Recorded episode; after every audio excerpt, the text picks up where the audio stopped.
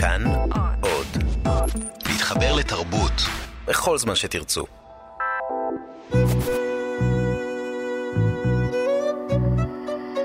ליסה פרץ משוחחת. שלום לכם, מאזיני כאן תרבות. באולפן ליסה פרץ, ואני משוחחת עם אנשי ונשות תרבות על החיים והיצירה. עורכת התוכנית ענת שרון בלייס.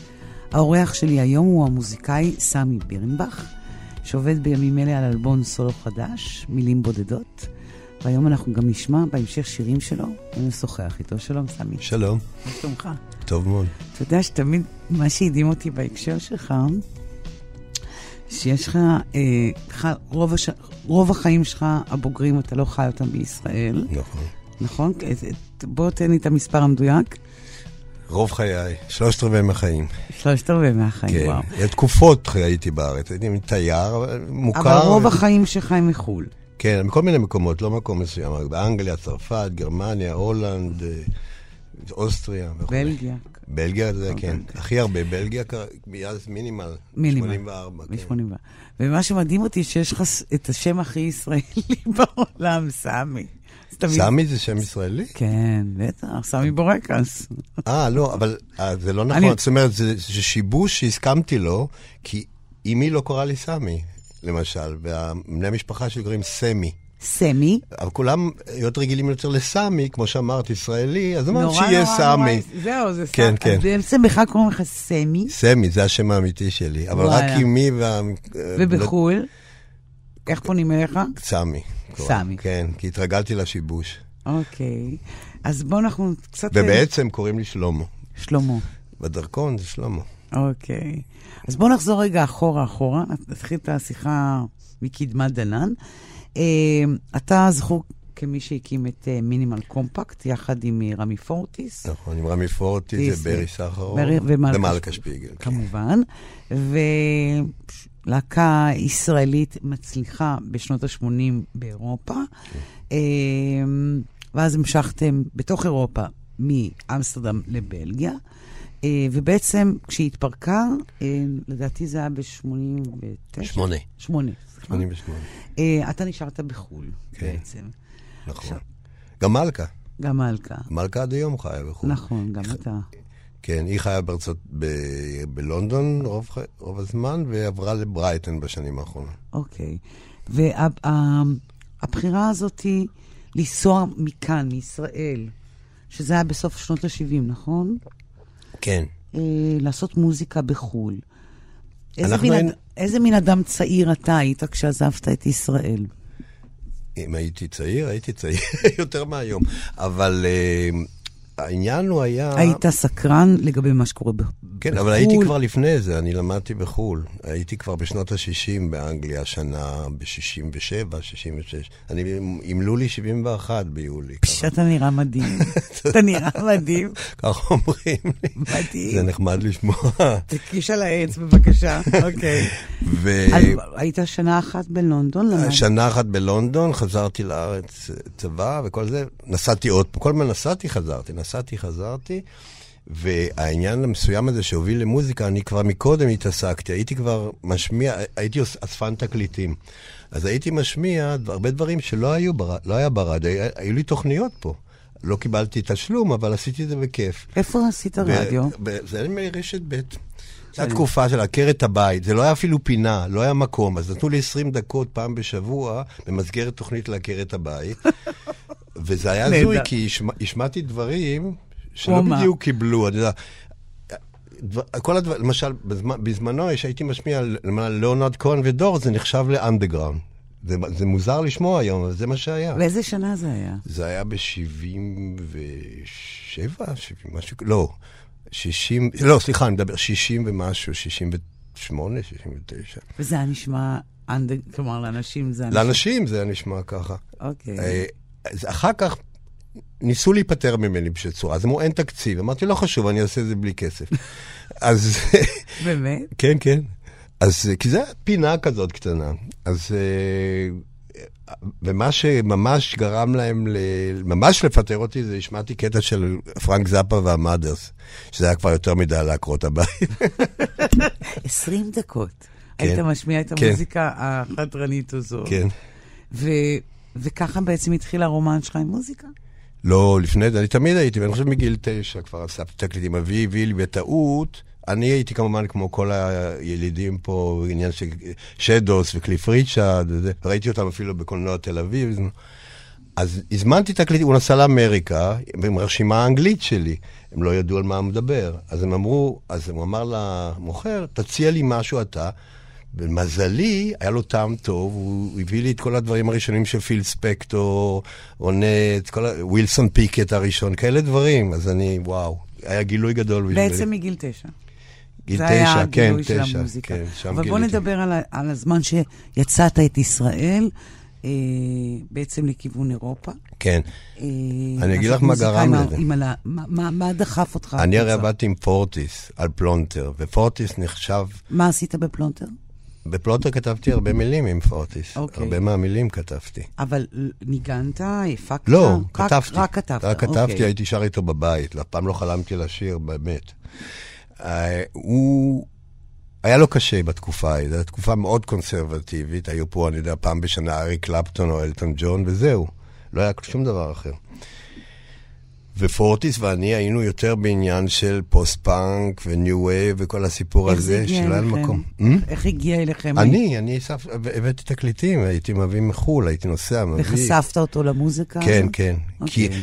חשבתי שהטיפוס, לא חשבתי שהוא פאנק כמו באנגליה וכזה, אבל האישיות שלו, האנרגיה, האנרגיה שהוא הביא והתזזיות שלו, הזכירו לי את זה, אז, והוא שמע, אמרתי לו, אני מוכרח להשמיע לך תקליט שככה בעולם שלך משהו היה CBGB, זה היה מועדון בניו יורק כזה, שהפאטי סמית הראשונים, ה Television, כל אלה כן. Ramones. הופיעו. מה? ה Ramones, כן. כן. Ramones, נכון. Ramones. אז uh, הוא אמר, וואו, אז הוא, הוא התחבר לזה כמובן, והתחלנו לעבוד, עשינו, עשינו, למרות שהשירים הראשונים היו מאוד פופי. למדי אותי הלילה, זה היה התקליט הראשון שיצא לרדיו, וחיים רומנו ניגן וואווה כזה, תקופה, זה משהו אחר. אז היה ערב רב של דברים, כי זה תקליט שנעשה במשך הזמן, כל פעם שרפי מלול בזמנו, שהוא היה עובד אה, סאונד, היה לו חברת סאונד, היה לו קצת כסף, היה משקיע, כי הוא היה משוגע על פורטיס, חושב שזה ממש תופעת טבע של נכון בתקופה ההיא, והוא חייב לעזור לדבר הזה להתקיים. ואני שמעתי על פורטיס ממירון, שעבד עם אריאל זילבר. מי זה. מירון? מירון רכטמן, אוקיי, שהיה המרגן של אריאל זילבר הראשון. אוקיי. אז הוא אמר, כי הכרנו, חיים, כי אני עבדתי קצת גם עם הצ'רצ'ילים. אני עתיק מספיק. עבדתי עם רוב אקסלי ודני שושן בזמונה, דברים מסוימים. אז uh, הוא אמר לי, יש איזה יצור שממש, אני לא חושב שהוא מכדור הארץ, וזה, תיאר לי את פורטיס, זאת אומרת, מאוד מעניין אותי לפגוש, וככה נוצר הקשר. עכשיו, היות שלפורטיס היה קשה מאוד פה, אה, להתקיים, כי היה הסיפור הזה. אני לא יודע אם, זוכר, אם מי שזוכר, היה יום העצמאות, אני לא זוכר איזה יום העצמאות ישראלי, ובמהדורה של החדשות הקרינו את... אה, הקרינו את הפאנק הישראלי, והיו שאילתות בכנסת, והיה סקנדל, והיה סיפור, כן. וזה היה הכל מעושה. זאת אומרת, כי זה היה אמנם... ההשראה הייתה מאנגליה, מה שמלקולם מקלרן עשה עם ה Pistols, שקצת הייפ את הדברים, את מבינה? ניפח את זה. מעבר למימדים. כן, אז קרה אותו דבר, והיות שזה היה בזמן כזה שכל המדינה ראתה את החדשות, אז זה היה ממש סקנדל בתקופה ההיא. והוא כן. חווה את זה בצורה קשה. קשה, כן, כי הבעלי אולמות סירבו ל- שהוא יופיע. הוא היה יכול להופיע רק בפסח, בראש השנה, בחגים. אז הוא היה מתוסכל מאוד, ואנחנו היינו מתכנסים כל הזמן כדי לשמור על איזה שפיות בבית, אצל מרק המקליטים על דברים, ולא היה לזה שום תקווה אפילו ל... לעשות עם זה משהו. אז לאט לאט אנשים, אה, חברים משותפים שהיו גרים באמסטרדם, כתבו לנו, אה, תבואו לפה, פה יש קונצרטים בפרדיסו, מילקי ווי כל שבוע, אתם תהנו וזה. לא חשבנו הרבה ונסענו. מי, מי נסע איתכם בחבורה? אתה, אני, מלכה, מלכה וברי. ברי ופורטיס כמובן, כן. אוקיי. כן, כן. היה שם עוד ישראלי אחד בזמנו, נטי וייסמן, שהיה עם פורטיס בלהקה הקודמת, הזבוב קוראים לה, שכבר גר באמסטרדם. וככה נוצר העניין. לא היה מינימל, היה משהו אחר, היה זמני, SOB קראו לזה. SOB? כן, of a bitch. נהדר. זה השם שהייתם צריכים להישאר איתו. אבל זה היה מין ניו ווי כזה, די קלישאה וכל זה. אה, אז מזה נוצר, זה התפרק מהר מאוד. והיות שגרנו ביחד, התחלנו לעשות כל מיני ניסיונות, וזה היה מין אלתור מוזר, שמינימל. הסתדרתם? מה? הסתדרתם? בוודאי, היה משהו, כן, כי אני, אני זוכר שעשינו, היה לי אקופלקס, זה מין מכשיר כזה אה, של, אה, שעושה אה, כאלו... אקו. אקואים, כן, אבל ישן כזה מוזר, שאת רואה את הסלילים כזה זזים בין ה... כן. ואני לקחתי איזה ספר שירה של בוב קאופמן, שמאוד אהבתי, זה משורר אמריקאי מתקופת הביט, ושתרגמתי אפילו חלק מהדברים, והלתרנו. הלתרנו. אה, פורטיס היה בדרך החוצה כבר, הוא לא אהב את אמסטרדם, הוא רצה כבר לחזור לארץ, היה חסרים לו דברים וכולי. אז... אתה נהנית להיות באמסטרדם? אה, נהניתי לעשות דברים, לא היה קל, אבל... כשאתה אה, חוזר ואומר לי כל הזמן, גם לפני השיחה שלנו, שלא היה לכם קל באמסטרדם, כן, מה לא. הכוונה? הכוונה, אנחנו היינו, כשהתחיל Minimal, עוד היינו בדירה זה עמדה במרכז אמסטרדם, אבל לא חשבנו כל כך לוגי בדברים. אמרנו, אוקיי, זה הכסף, אנחנו נשכור דירה. הכסף כמובן נגמר אחרי כמה חודשים, והתחלנו לחפש מקומות. אז גרנו כאורחים. אה, בכל מיני מקומות. מקומות. והכרנו אז בתקופה ההיא, אה, לא, יצא האלבום הראשון, Static Dancing וכולי, שזה בעצם אולי אחד השירים הכי ידועים של מינימל.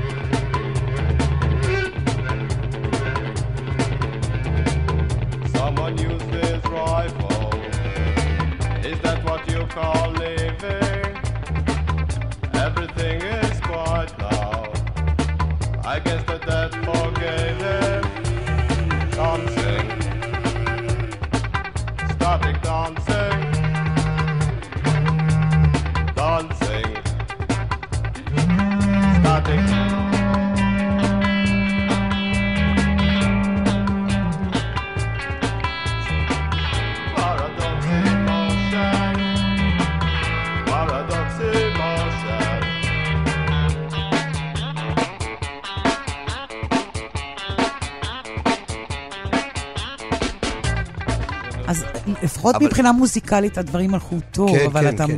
מספר על, איזה קושי עצום להתפרנס, כן, לחיות. כן, מאוד, מאוד, מאוד. ממה חייתם? אז אה, ראשית כל, מגורים, מקס עזר לנו הרבה, כי הוא היה מקומי מאמסטרדם, והוא היה יודע, היו המון סקווט, סקווטים. אז הוא אמר, פה מתפנה, פה מתפנה, פה מתפנה, סגור בחינם כזה. בתנאים לא תנאים, אבל אפשר לי, לי, להיות שם. אז היינו, עד שיהרסו את הבניין. אז ככה עברנו ממקום למקום. ועשינו חזרות, והאלבום יצא, האלבום הראשון. מלכה נסעה לארץ, הייתה תקועה פה, בארץ, היה, היה לה סיפור אה, עם, פס, עם דרכון, אני יודע, עיכבו אותה פה בתקופה. ואנחנו חיכינו לה למעשה, והתחלנו לעשות חזרות. אני, ברי ומקס לבד עשינו חזרות. איפה דרך... פורטיס? פורטיס לא היה בלהקה בהתחלה. פורטיס הצטרף ללהקה רק באמצע. אבל הוא נסע איתכם, לא? כן, אבל הוא לא היה בלהקה. איפה הוא היה? הוא היה חבר של מלכה. כן. הוא היה חבר של מלכה, ואיכשהו לא הסתדר שם מכל מיני סיבות. מכל מיני סיבות, והוא חזר לארץ. הוא אמר, אני מקווה שלא תעשו על תק... אה, להקה בלעדיי, ושבוע אחרי שהוא נסע עשינו להקה.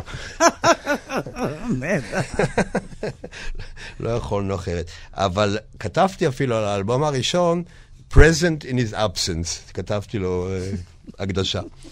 טוב, אז uh, הוא, uh, הוא הצטרף הרבה יותר מאוחר, שהוא השלים עם מלכה, הם נפרדו בתקופה ההיא, והיא הייתה בביקור, והוא הצטרף לקראת Deadly Weapon, האלבום השני.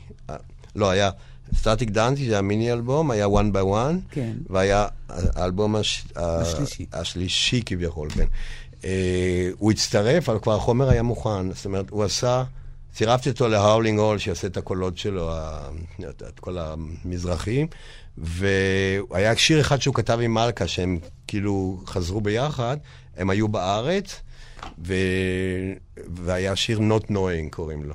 שיר ש... אה, הוא ביצע, ביצע, ואחר כך מ-Raging Soul עד, עד הסוף, זאת אומרת, היה Raging Soul ו-The Figure One Cuts, והיו עוד כל מיני 12 אינצ'ים וכל מיני דברים שלא, למשל Met to Measure, היה לנו תקליט שנקרא Low Lens Flight במסגרת של סריה של תקליטים שקראמד הוציאו, שקראו לו Met to Measure, שזה מוזיקה לתערוכות, לסרטים, שהם לא קונבנציונליים. זאת אומרת, okay. זו אוקיי. מוזיקה יותר ניסיונית ולא... לא עשינו את הדברים הרגילים של מינימל, היה לנו אפשרות לעשות... לעשות דברים אחרים. כן, והרדיו, זה התחיל מזה, מהזמנה של הרדיו ההולנדי, לעשות דברים בתנאי שלא נעשה את השירים הרגילים של מינימל. אז עשינו כל מיני דברים ניסיוניים. איך היה לצרף את uh, פורטיס פתאום, אחרי שני האלבומים האלה? לא, זה הוסיף המון, כי ראשית כל החיבור בין שתי הגיטרות של ברי ופורטיס, זה, זה הוליד סאונד חדש, ועל במה הוא הרי דינמיט, אה, הוא הר געש קטן. אז uh, מהבחינה הזאת. והיה טוב, והוא תרם, כמובן שהוא תרם לפרויקט. אתה הרגשת, כלומר, בישראל, כילד שאהב מוזיקה, כן. מוזיקה ניסיונית, כן. אה, אחרת, הרגשת מוזר כאן? שייך, לא שייך? כלומר, העובדה שאתה היום חי כן. מרבית אה, שנותיך בחו"ל, היא בעצם תולדה מהעובדה שחשת זר כאן? גם, כן. בטח. למה? מטבע הדברים, כי הדברים שהייתי מחובר אליהם, ובגלל זה הגעתי לחו"ל, גם מוזיקלית, היו הדברים האלה, אבל אני מגלה דברים אחרים. למשל, לא מזמן גיליתי אלבום מופלא ישראלי, 14 אוקטבות, שאלבום נפלא, ובכלל פספסתי אותו בתקופה ההיא. אהבת בכלל דברים מישראל שהיית כן, נער וישראל? כן, דברים מסוימים, כן, כן. אסתר עופרים וכאלו, כן. אוקיי. כן, מוזר מאוד, אבל אהבתי. היא הייתה ידידה שלי גם. כן. אוקיי. אה, חשבתי שדברים יותר אה, חתרניים מאלה, אבל... לא, אני, טוב, חתרני זה משך הזמן, דברים שהערכתי תקופה מסוימת, אני יודע, כי זה יקנה צפת וזה, אבל זה בביקורים כבר שהייתי כאן. אוקיי, והאלבומים האלה שנוצרו... וזוהר לוי, זוהר לוי אהבתי מה שהוא נוגע בו. אחרית, כן, אני הכרתי אותו, גם הכרתי כן. אותו, מאוד הצטערתי על מה שקרה. כן. בואו נחזור רגע למינימל, רק נסגור את הפינה הזו. אה, האלבומים שיצרתם בחו"ל, בעצם אה, היו המסד, התשתית, לתחיית הרוק הישראלי כמה שנים אחרי זה, בשנות ה... סוף כן. שנות ה-80, תחילת ה-90, נכון? כן, כן. אבל בעצם עושים את זה ברי ופורטיס, ואתה נשאר בעצם בחו"ל. אתה לא לוקח חלק בזה. אתה לא חוזר איתם לכאן. לא. למה? אני לא יודע, אני, היות שחייתי בחוץ, היה לי די הרבה השפעה אמריקאי, אנגלו-אמריקאית על דברים, וגם בספרות יותר הייתי קשור לזה, למרות שהכרתי פה גם את כולם. זאת אומרת, מאיר ויזלטר ואת יונה וולך וכל הסיפור, זה כבר סיפור ידוע. אבל, אה, וקשור לשירה בכלל. לא חשוב באיזה שפה, אני אוהב שירה עד היום. אבל בעצם לא חזרת איתם. לא חזרתי, לא. לא, אני הייתי פעיל שם, עשיתי כמה פרויקטים מה עשית אחרי באמת מינימל קומפקט? עשיתי, ישר שהלהקה התפרקה, עשיתי אלבום בסריה הזאת של Met to גם לקראם, שנקרא When God was Famous, וזה הומאז' לשירה, באנגלית, צרפתית וגרמנית, בשפת המקור. וזה פרויקט אלקטרו-אקוסטי, זאת אומרת, יש שם דברים אלקטרונים, וגם צ'לו ואבו וכאלה, שילוב של שניהם. וזה אחד האלבומים שיקרים לי במיוחד. זה שירים של גוטפריד בן, של בוריס ויון, של... אה, של... אה, כרגע פתאום יש לי... והפכת גם בהמשך לדי-ג'יי, נכון? כן, גם. כמה שנים אחרי זה זה קרה? אני בעצם התחלתי לדג'י פה. ב-77' היה מועדון שנקרא הגל החדש. זה אותו מקום שהיה לפני זה החלונות הגבוהים, המועדון החלונות הגבוהים. אוקיי. שם נפתח במשך הזמן. צדו קראוס, אחיו של שמוליק, פתח מועדון. בדיוק עם הסיפור הזה, זה משתחבר עם פורטיס, לא יכול היה לנגן בשום מקום, והיו עוד כמה הרכבים שלא יכלו. כמו מי, אתה זוכר אולי? ערפאת והמחבלים.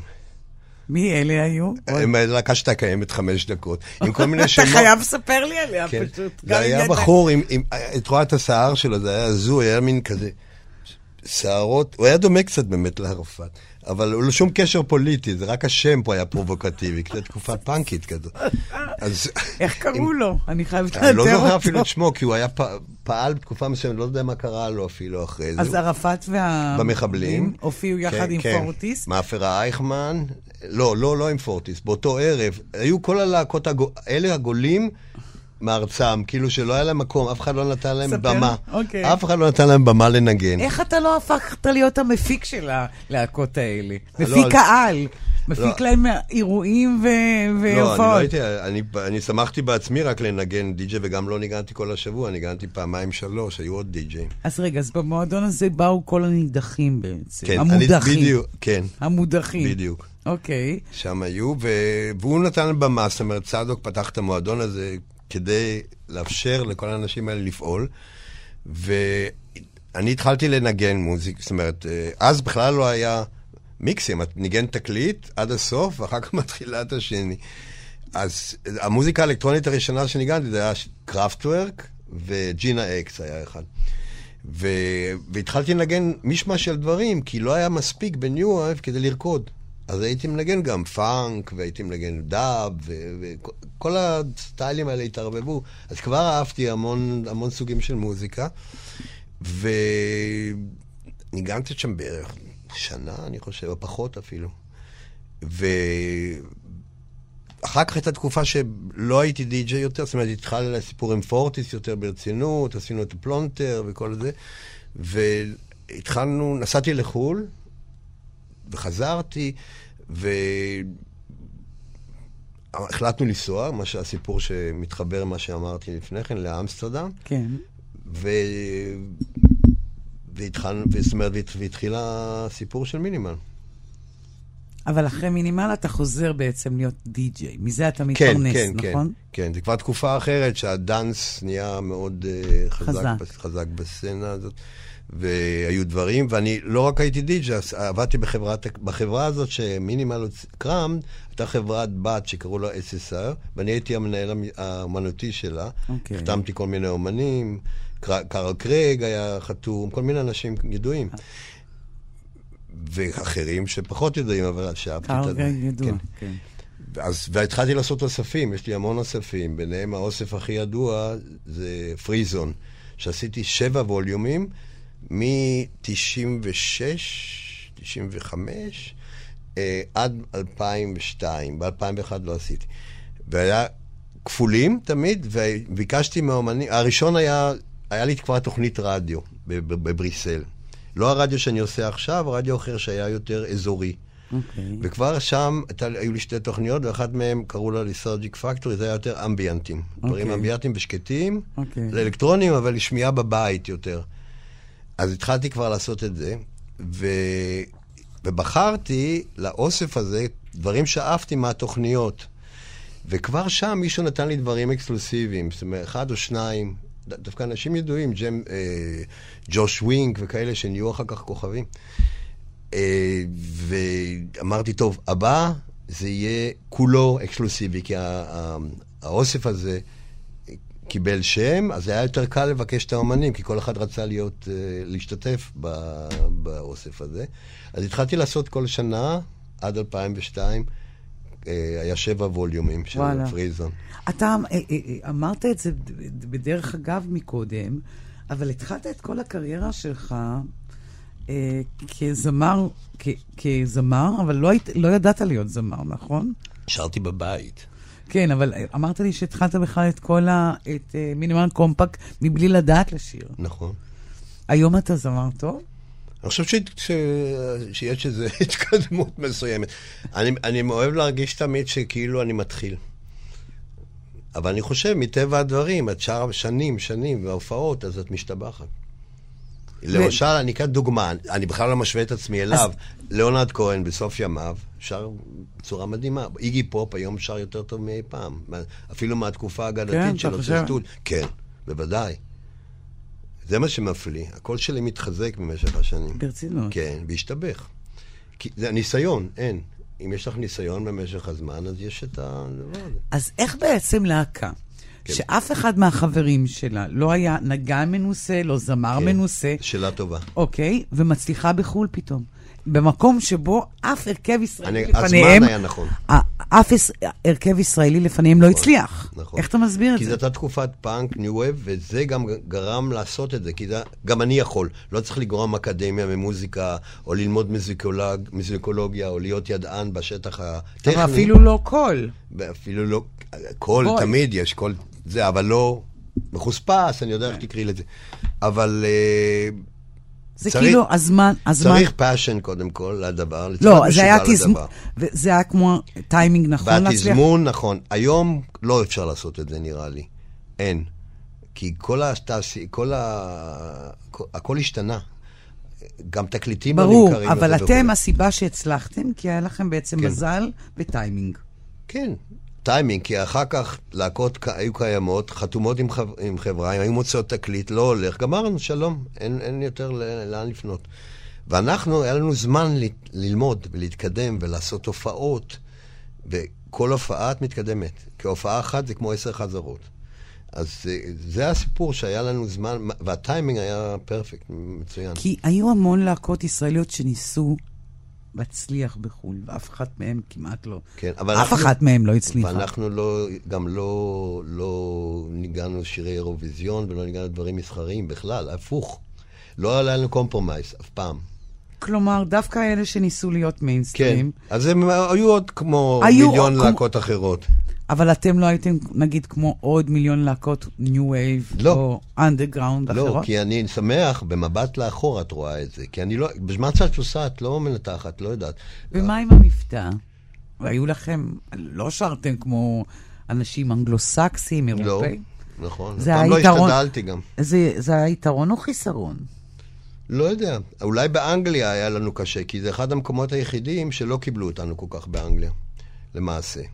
כי האנגלים היו די שוביניסטים בעניין הזה.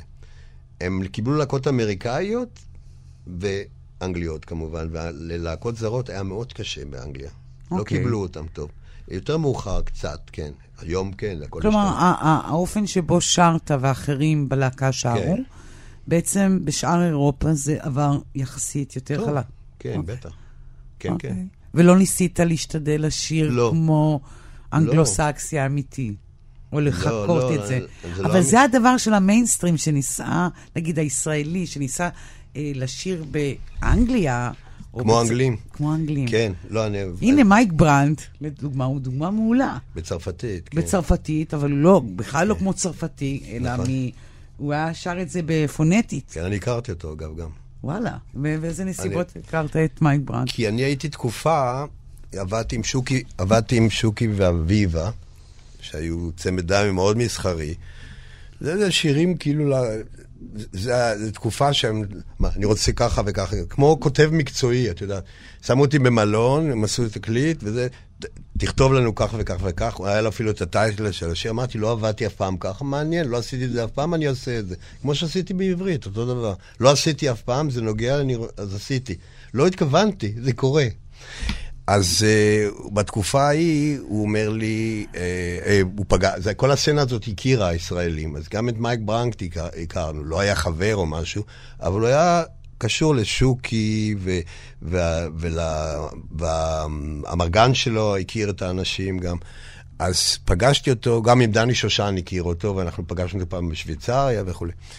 אז כשהוא היה, בתקופה הזאת, לפני מותו, בפריז, נפגשנו אחרי שהוא ניסיון התאבדות, שהוא קפץ מהמרפסת והוא כאילו שבר את היד. והוא היה באולפן עם גבס כזה, והוא אמר, זה היה אחרי, זאת אומרת, לא יודע מה קרה לי וזה, אני... היה מאוד up. הוא אמר, אני הקלטתי שיר, והוא השמיע לנו את הלהיט, שמה שנהיה להיט, Feelings, הוא עשה Feeling, כן, זה הלהיט ענק אחר כך. אז הוא היה כל כך אופטימי, נפלא, וזה, וכל זה. שבוע אחרי זה הוא קפץ עליהם באמת. אני חושב שזה היה שוק. לא, אבל אני, נחזור רק uh, לפינה כן. הזאת. למרות שהוא לא מהעולם שלי במוזיקה. לא, אבל ניסיתי כן. לת, לתת אותה כדוגמה זה סתם שדו... אפיזודה, אני קורא... לא, אתה עבר, בוא נאמר, אתה סוג של פורסט גם של המוזיקה הישראלית, כולם עברו דרכך ואתה עברת דרכם. באיזשהו מקום, נכון, גם הצ'רצ'ילים. ברור. בכלל, כן. אפילו עכשיו, האוסף שיצא לקראת אומת תקליט, יש אוסף של סינגלים ובי סיידים ודברים כן. נדירים, אז זה שיר, השיר האחרון שכבר קראו לעצמם ג'ריקו בסוף. זה אותה חבר'ה, חיים רומנו, ו... רק סטן לא היה, הזמר המקורי. אבל רוב אקסלי ודני שושן, אז יש את השיר, הסינגל האחרון שהם עשו לפני שהתפרקו, מה מזגון הטק יום, נמצא על זה, כן. אז נתתי את מייק ברנק כדוגמה, דווקא אחד שלא ניסה לשיר כמו צרפתי, ואתה אמרת לא ניסית לשיר כמו בריטי, וזה היה יתרון. כנראה, אני אפילו לא, לא עשיתי, אני, לא משהו, חשבתי איך ומה, עשיתי פשוט. משהו בצליל, נגיד, של מינימל קומפקט אחר שהבאתם? כן, אני חושב, הבאנו... מה? אני חושב שבלהקות ה-new wave אנחנו היינו בין היחידים שהבאנו איזה צליל מזרחי. איך זה בא לידי ביטוי, הצליל הזה, המזרחי? יש שירים כמו The Well וכאלה שיש בהם מזרחיות. מה, ב... ב... כן, באינטונציה של השירה, במוזיקה. ברי הוא ממוצא טורקי, אז גם שומעים את זה. אוקיי. בגיטרה שלו. וזה, וזה דבר שהיה ייחודי לכם? כן, היה ייחודי. כי היה אולי עוד להקה אחת שעשתה את זה, אנגלית דווקא, שקראו להם C Cat Trance, שגם כן הכניסו מומנטים, הם דווקא לא היו במזרח התיכון, אבל היו מומנטים מזרחיים בזה, הם היחידים, ב-new wave שעשו את זה, ואנחנו. בזמן אמת ידוע על ההצלחה שלכם בישראל? לקח זמן. לא כל כך קיבלו אותנו באהדה. קראו לנו נפולת של נמוש... אה, נמושות. נמושות בהתחלה. מי קרא לכם נפולת נמושות? כן, לא זוכר, היית, בעיתונות פה היו דברים, כן. שמה? לא. ככה כאילו... כינו אתכם? כן. בגלל שאתם לא חיים בארץ כן. ולא יוצרים? כן. כן. ככה זה היה אז. במשך השנים הכל השתנה, בצורה דרמטית כמובן, אבל היה מאוד קשה. וגם, אני מוכרח להודות, שאחר כך שקולנוע דן יצא, אז התחילו לעבור פתאום uh, כל הלהקות, סוזי דה בנצ'י, אנדיורי וכל אלה, מה שקורה בחו"ל, באנגליה, שהיה קרוב אלינו יותר, התחילו לבוא, אז הקהל התחיל לגלות ו- ולאהוב. אז היה שינוי, כבר שינוי מקומי, היה בתל אביב. אבל כמובן. בהתחלה כמובן ש... לא, לא. בהתחלה היה פינגווין קצת, וזהו. עוד הספקתם להופיע שם? כן, הופענו. ההופעות הראשונות היו בפינגווין, כן. מה אתה זוכר מההופעות האלה? לא הרבה.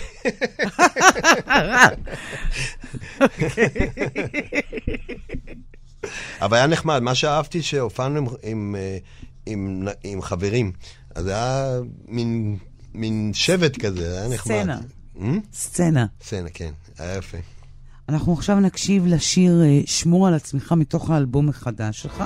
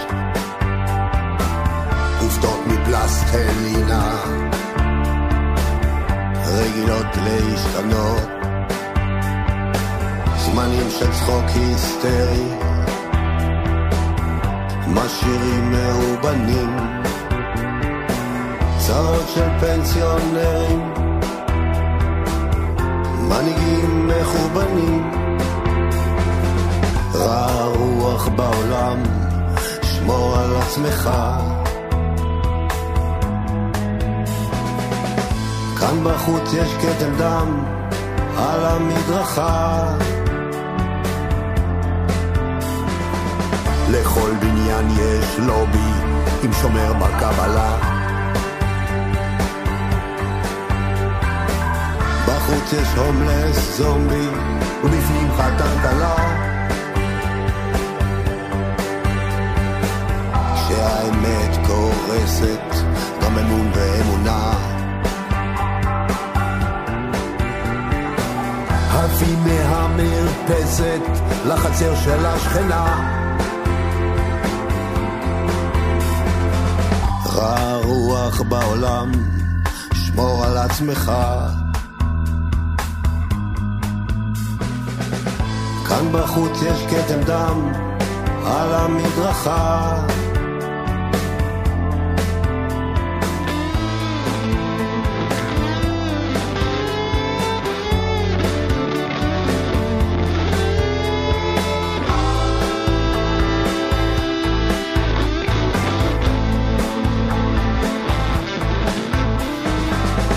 אתמול לפני שהוא נרדם, מישהו בכה. רע רוח בעולם, שמור על עצמך. כאן בחוץ יש כתם דם על המדרכה. זאת לא חנות חרסינה. תלך על בעונות, עובדות מפלסטלינה, רגילות להשתנות, זמנים של צחוק היסטרי, משאירים מאובנים, צרות של פנסיונרים, מנהיגים מחורבנים.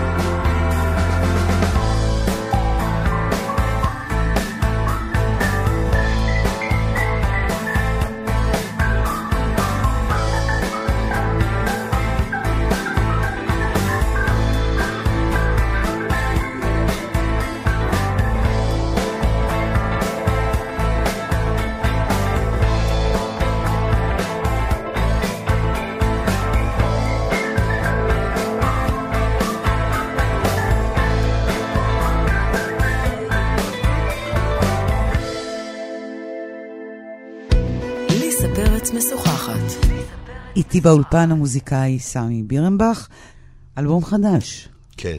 וואו, אוקיי. ולא סתם אלבום, אלבום בעברית, בשבילי זה הרבה. איך קוראים לאלבום הזה? מילים בודדות. למה קראת? אחד השירים. כן, למה קראת ל... בחרת דווקא בשם הזה לאלבום? אתה יכול להסביר לי? זה באופן כללי, זו הרגשה הכללית של הדברים, וגם הלהקה לעצמה קוראת לעצמה, הם בחרו את השם מתוך השירים, קוראים לעצמם מילים בודדות. הם, והם לא ישראלים, הם לא מבינים עברית. וואלה. הם אהבו את זה, כן. כן? כמה שירים יש באלבום? תשעה. תשעה. שישה ו... שנכתבו על ידי מאיר גולדברג, אחד שלי מ-68, שזה מין... 68? כן. איך קוראים לשיר הזה? לסימן אהבה, זה פואמה שכתבתי והקדשתי אותה בזמנו ליונה וולך ולחבר משותף, ג'ורג', שהיה בן זוגה תקופה. ופשוט דברים שגנזתי, אולי אני אפרסם חלק מהם במשך הזמן. וזה הפואמה. והבחור שעבדתי איתו בהתחלה, לורום, אמר לי, תביא, תביא, תביא את זה. אמרתי, אני חושב שזה פואמה, אי אפשר, זה לא בדיוק פזמון, לעשות אומר, תביא וננסה. ויצא השיר. אז... אה, אז יש שיר אחד שלך? שיר אחד שלי, שישה של מאיר, ויש שני קאברים, אחד אדבר איתך, שעשיתי ביצוע חדש, וקרב יום. קרב יום. כן, השיר, אפוקליפטי, כן. שיר uh, מהמקורות. כן, כן, נכתב לפני 1,400 שנה.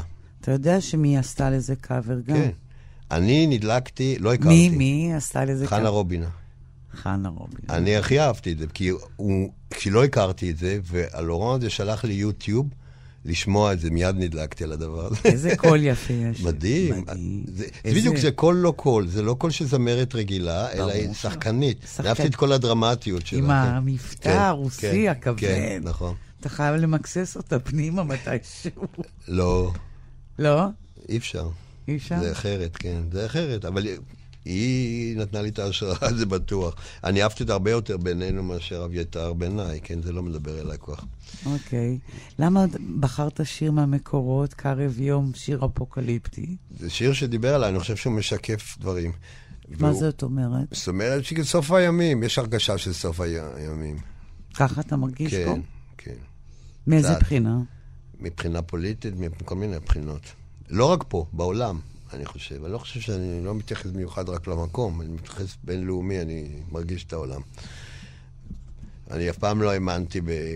למרות שאני, אפשר להגיד פסימיסט אופטימי, אבל אה, למשל אין לי ילדים, וזו אחת ההחלטות שלי כבר מזמן. למה לא עשית ילדים? כי לא האמנתי שיש להם עתיד.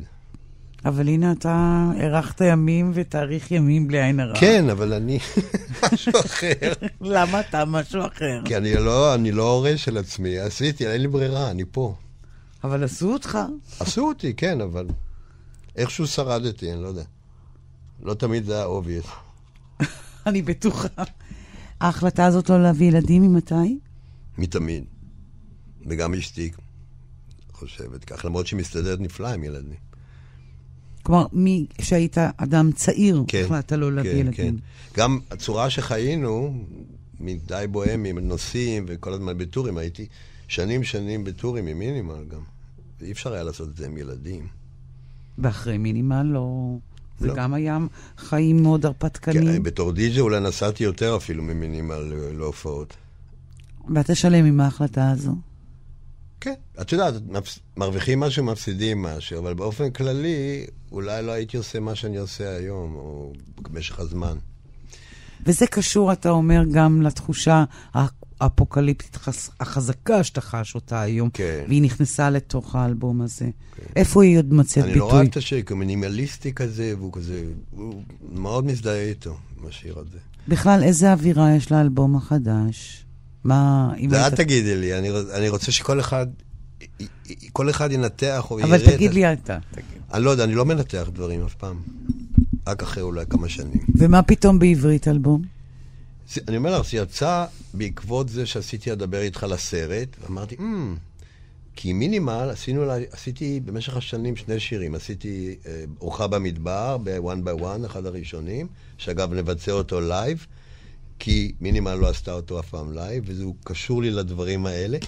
והשני, עשיתי שיר של האלבום שעשיתי, היה איזה אומן שנפטר, אה, הקטור זזו, שהוא היה צרפתי, שאחד הקומפוזיטורים הכי אהובים על אינו, למשל, והוא עשה אלבום שמוקדש 100 שנה למותו של רמבו, ואנשים שרים אה, פואמות של רמבו. בשפתם הם. אז אני עשיתי בעברית. סקמוטו ניגן ב- ביפן, נגנית נבל באירלנד, ואנחנו, ואני הקלטתי את השירה בבריסל. אז בעצם עד האלבום הזה, כן. היו לך רק שני רק שירים. שניים, כן. זה היה חסר לך בפה השפה? לא, כי דיברנו בינינו, כל הזמן שמינימל היה, דיברנו עברית. אבל בכלל, אחרי מינימל, שאתה היית לא, לבד בחו"ל, השפה הזאת דגדגה לך, היא התגעגעת אליה, כן, משהו כן, כי כי האישה שלך היא. זרה, היא לא, כן, היא לא נכון. ישראלית. כן, אבל היא תוקעת כמה מילים בסלנג, היא מאוד אוהבת סלנג, אז היא תוקעת בין ה... אנחנו מדברים בכלל, כשאנחנו מדברים, מישהו שאל אותנו בקפה, ישבנו ודיברנו, אז מישהו, איזה זוג מבוגר, סליחה, אנחנו לא רוצים להתערב, איזה שפה אתם מדברים? זאת אומרת, איזה ערבוב של גרמנית, עם כמה מילים באנגלית וצרפתית וכמה מילים בעברית. ואנחנו אצלנו לגמרי טבעי לערבב את כל זה. כן, אבל אני שואלת, כדי לשוב ולשיר בעברית, כן.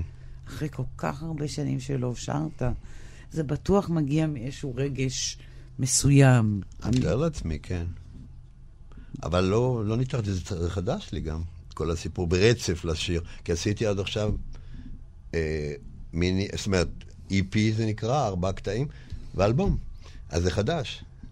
לעומת מינימל, שעשיתי איזה שבעה אלבומים.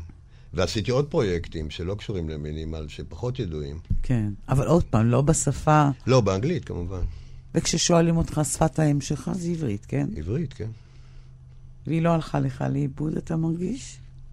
הלכה, הלכה, משהו הלך לאיבוד, כי אני בא מכתיבה, ופעם הייתי כותב, כמו שאמרתי, כתבתי בראש בלטה שני טקסטים אחרונים בעברית למלכה, ומאז לא כתבתי בעברית.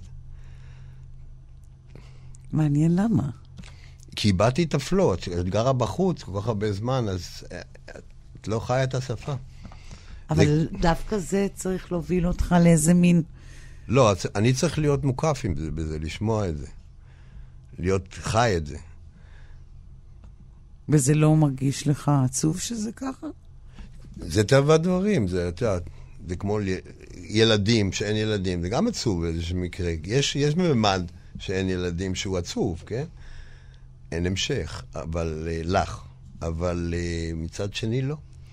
זה אמביוולנטי, זה מאוד... אה, אבל כמו שאמרת, מרוויחים מזה ומפסידים כן. מזה. כן. You win some, you lose some. לא, ובעיקר, אני חושבת שבגלל שאתה גבר, Mm. אז אתה אולי פחות מרגיש מותקף עם השאלה הזאת. כן, אבל אשתי כמוני. זאת אומרת, כמוני, לא, היא באותה... באותו באותה ראש, עמדה. כן, אחרת בעיה, כן. לא, לא היינו נוטשים אחד את השני, אבל...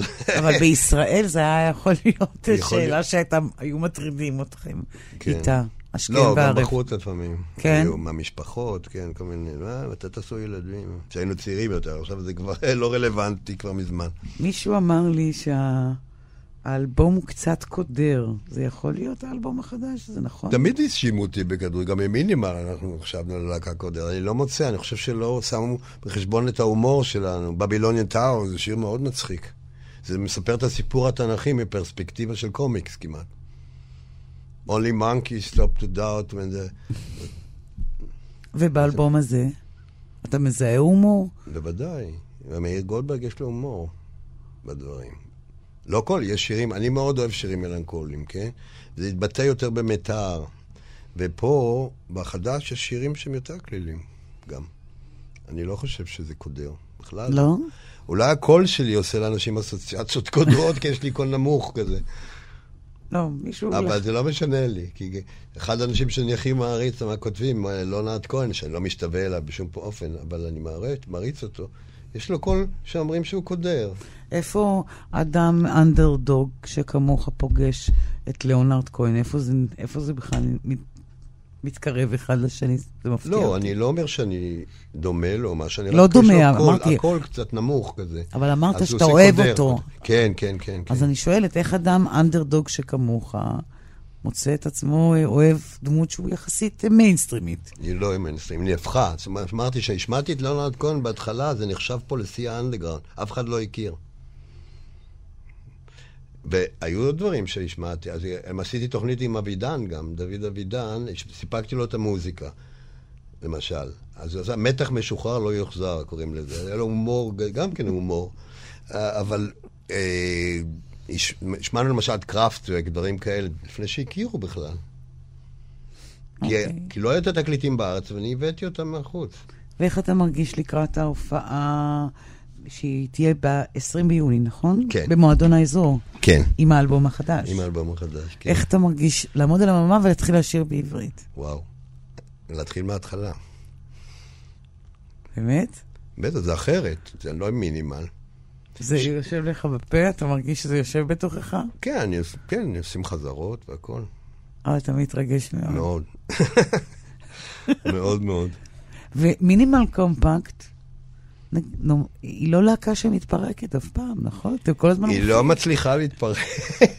לא, היא התפרקה, וכל אחד יצא... רשמית. כן, אבל- אבל ברגע שאנחנו מתכנסים, המאגיה נמצאת. זה פשוט לא יאומן. חשבתי, די, לא. ראשית כל, אני אומר, יש חיים אחרי המוות, כי הפופולריות של מינימל גד- גודלת והולכת עם השנים. ואנחנו כבר ב-88 התפרקנו, כאילו רסמית. זה 31 שנה. כן, אבל אין, כל, כל פעם שיש ריאיוניון זה נהיה עוד יותר מטורף. תוך כמה שעות ההופעות נמכרות, אין שום פרסומת, ואנשים קונים ומתחננים לעוד ועוד ועוד ועוד.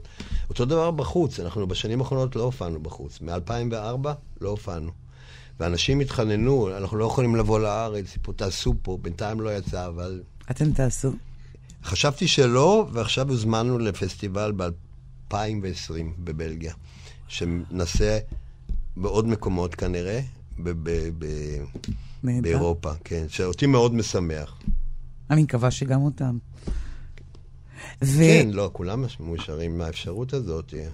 והעובדה שאתה תעמוד עכשיו במועדון האזור בתל אביב ב-20 ביוני מהאלבום החדש, כן. ללא הלהקה שלך, המוכרת, נכון. זה נותן לך הרגשה אה, קצת אה, פחות אה, בטוחה? לא, זה אחרת, זה אחרת. גם המוזיקה אחרת, והכל הכל שונה. עצם העניין שנשאר בעברית זה כבר אחרת מאשר השירים באנגלית, למשל. זה ברור, אבל כן. כשיש נוכחות של אנשים שאתה הולך איתם כברת דרך, כן. אני מניחה שזה מספק ביטחון. אבל הצוות הנוכחי הוא נפלא. אני ממש יצא לי טוב, כי יש לי סיפור שאני לא ארחיב עליו, כי היה לי טק טאקלים מאז מיתר עד היום, שכמעט ביטל את כל הסיפור. אני לא, לא ארחיב את הסיפור, כי אני לא, זה לא סיפור סימפטי במיוחד. וחשבתי שזהו, לא יהיה אלבום.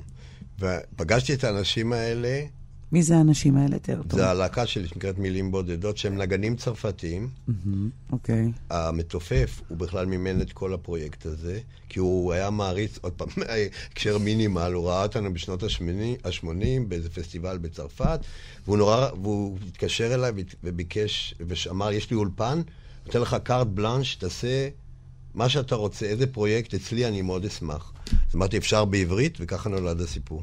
אבל מה פתאום זה נולד בך, הצורך הזה? כי בגלל השיר הזה רק שעשיתי. בגלל ש... כן, נתן לי חשק ראשוני.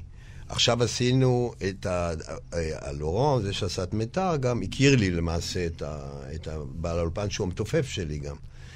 המתופ... אה, אה, הוא הביא לי את הצוות של האנשים. עכשיו שהפרויקט של מיתר נגמר, זאת אומרת, לא היה לי עד להקה, הכרתי, הוא, הוא הביא את כל הנגנים. המפיק, ראשית כל מדהים, מנגן המון כלים. לצערי הוא לא יבוא, כי הוא בן אדם מאוד עסוק, הוא מנגן, מנגן בג'אז פסטיבל מונטרה, מנגן עם נגנים ידועים וכל זה. ונורא שמחתי שהוא עבד על הסיפור, כי הוא הוסיף המון. הוא ממש גאון, אה, אני מוכרח להודות. כי העיבודים וה- והעבודה שהוא עשה, היא לא עבדתי עם אף אחד, גם באנגלית, בכזאת רמה. והנגנים שהתקבצו, הם כולם אחד-אחד. גם בתור אנשים, והם צרפתים, נכון? הם צרפתים, כולם צרפתים יהודים חוץ מהגיטריסט, וג'רמי, שהוא בא למועדון האזור, שהוא חבר הכי טוב של המתופף, ונתן לנו את המקום לחזרות, עשינו כבר חזרות תקופה, ונעשה גם ביוני לפני ההופעה. הוא מנגן, לא על האלבום, הוא מנגן גיטרה נוספת בהופעה.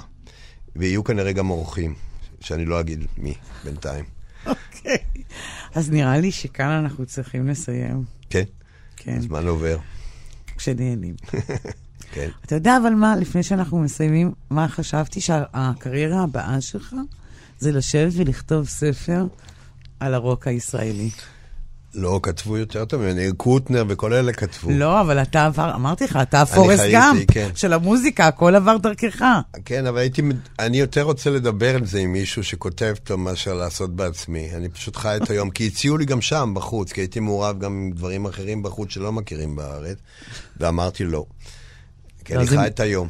אתה חי את היום. כן. טוב. אבל בכל מקרה, רציתי להודות לך על השיחה. הנפלאה שקיימנו. תודה, סמי. תודה לך. עד כאן השיחה עם המוזיקאי סמי בירנבך. באולפן ליסה פרץ, עורכת התוכנית ענת שרון בלייס. אתם מוזמנים להאזין לנו כאן ביישומון, כאן אודי. תודה ולהתראות. תודה.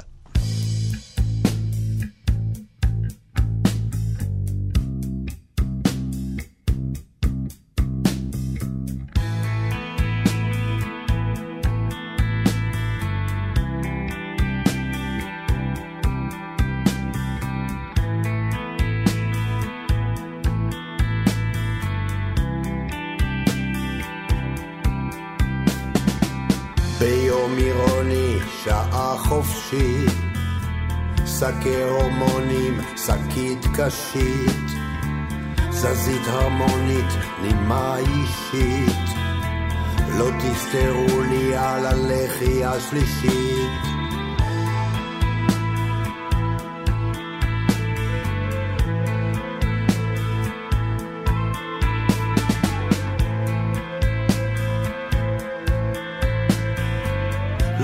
תסתרו לי על הלחי השלישית.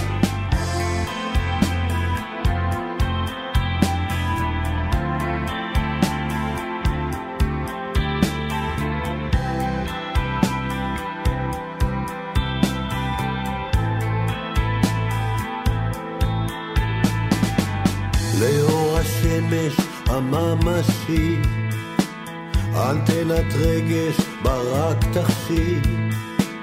חיי הנפש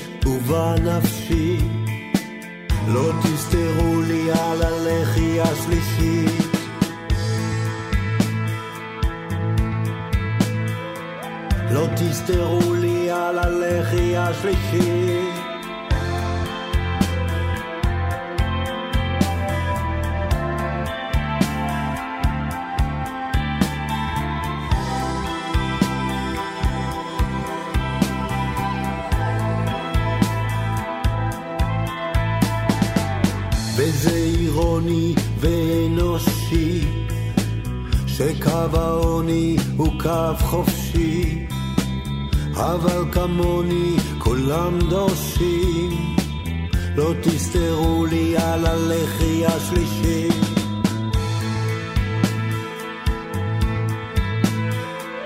לא תסתרו לי על הלחי השלישי.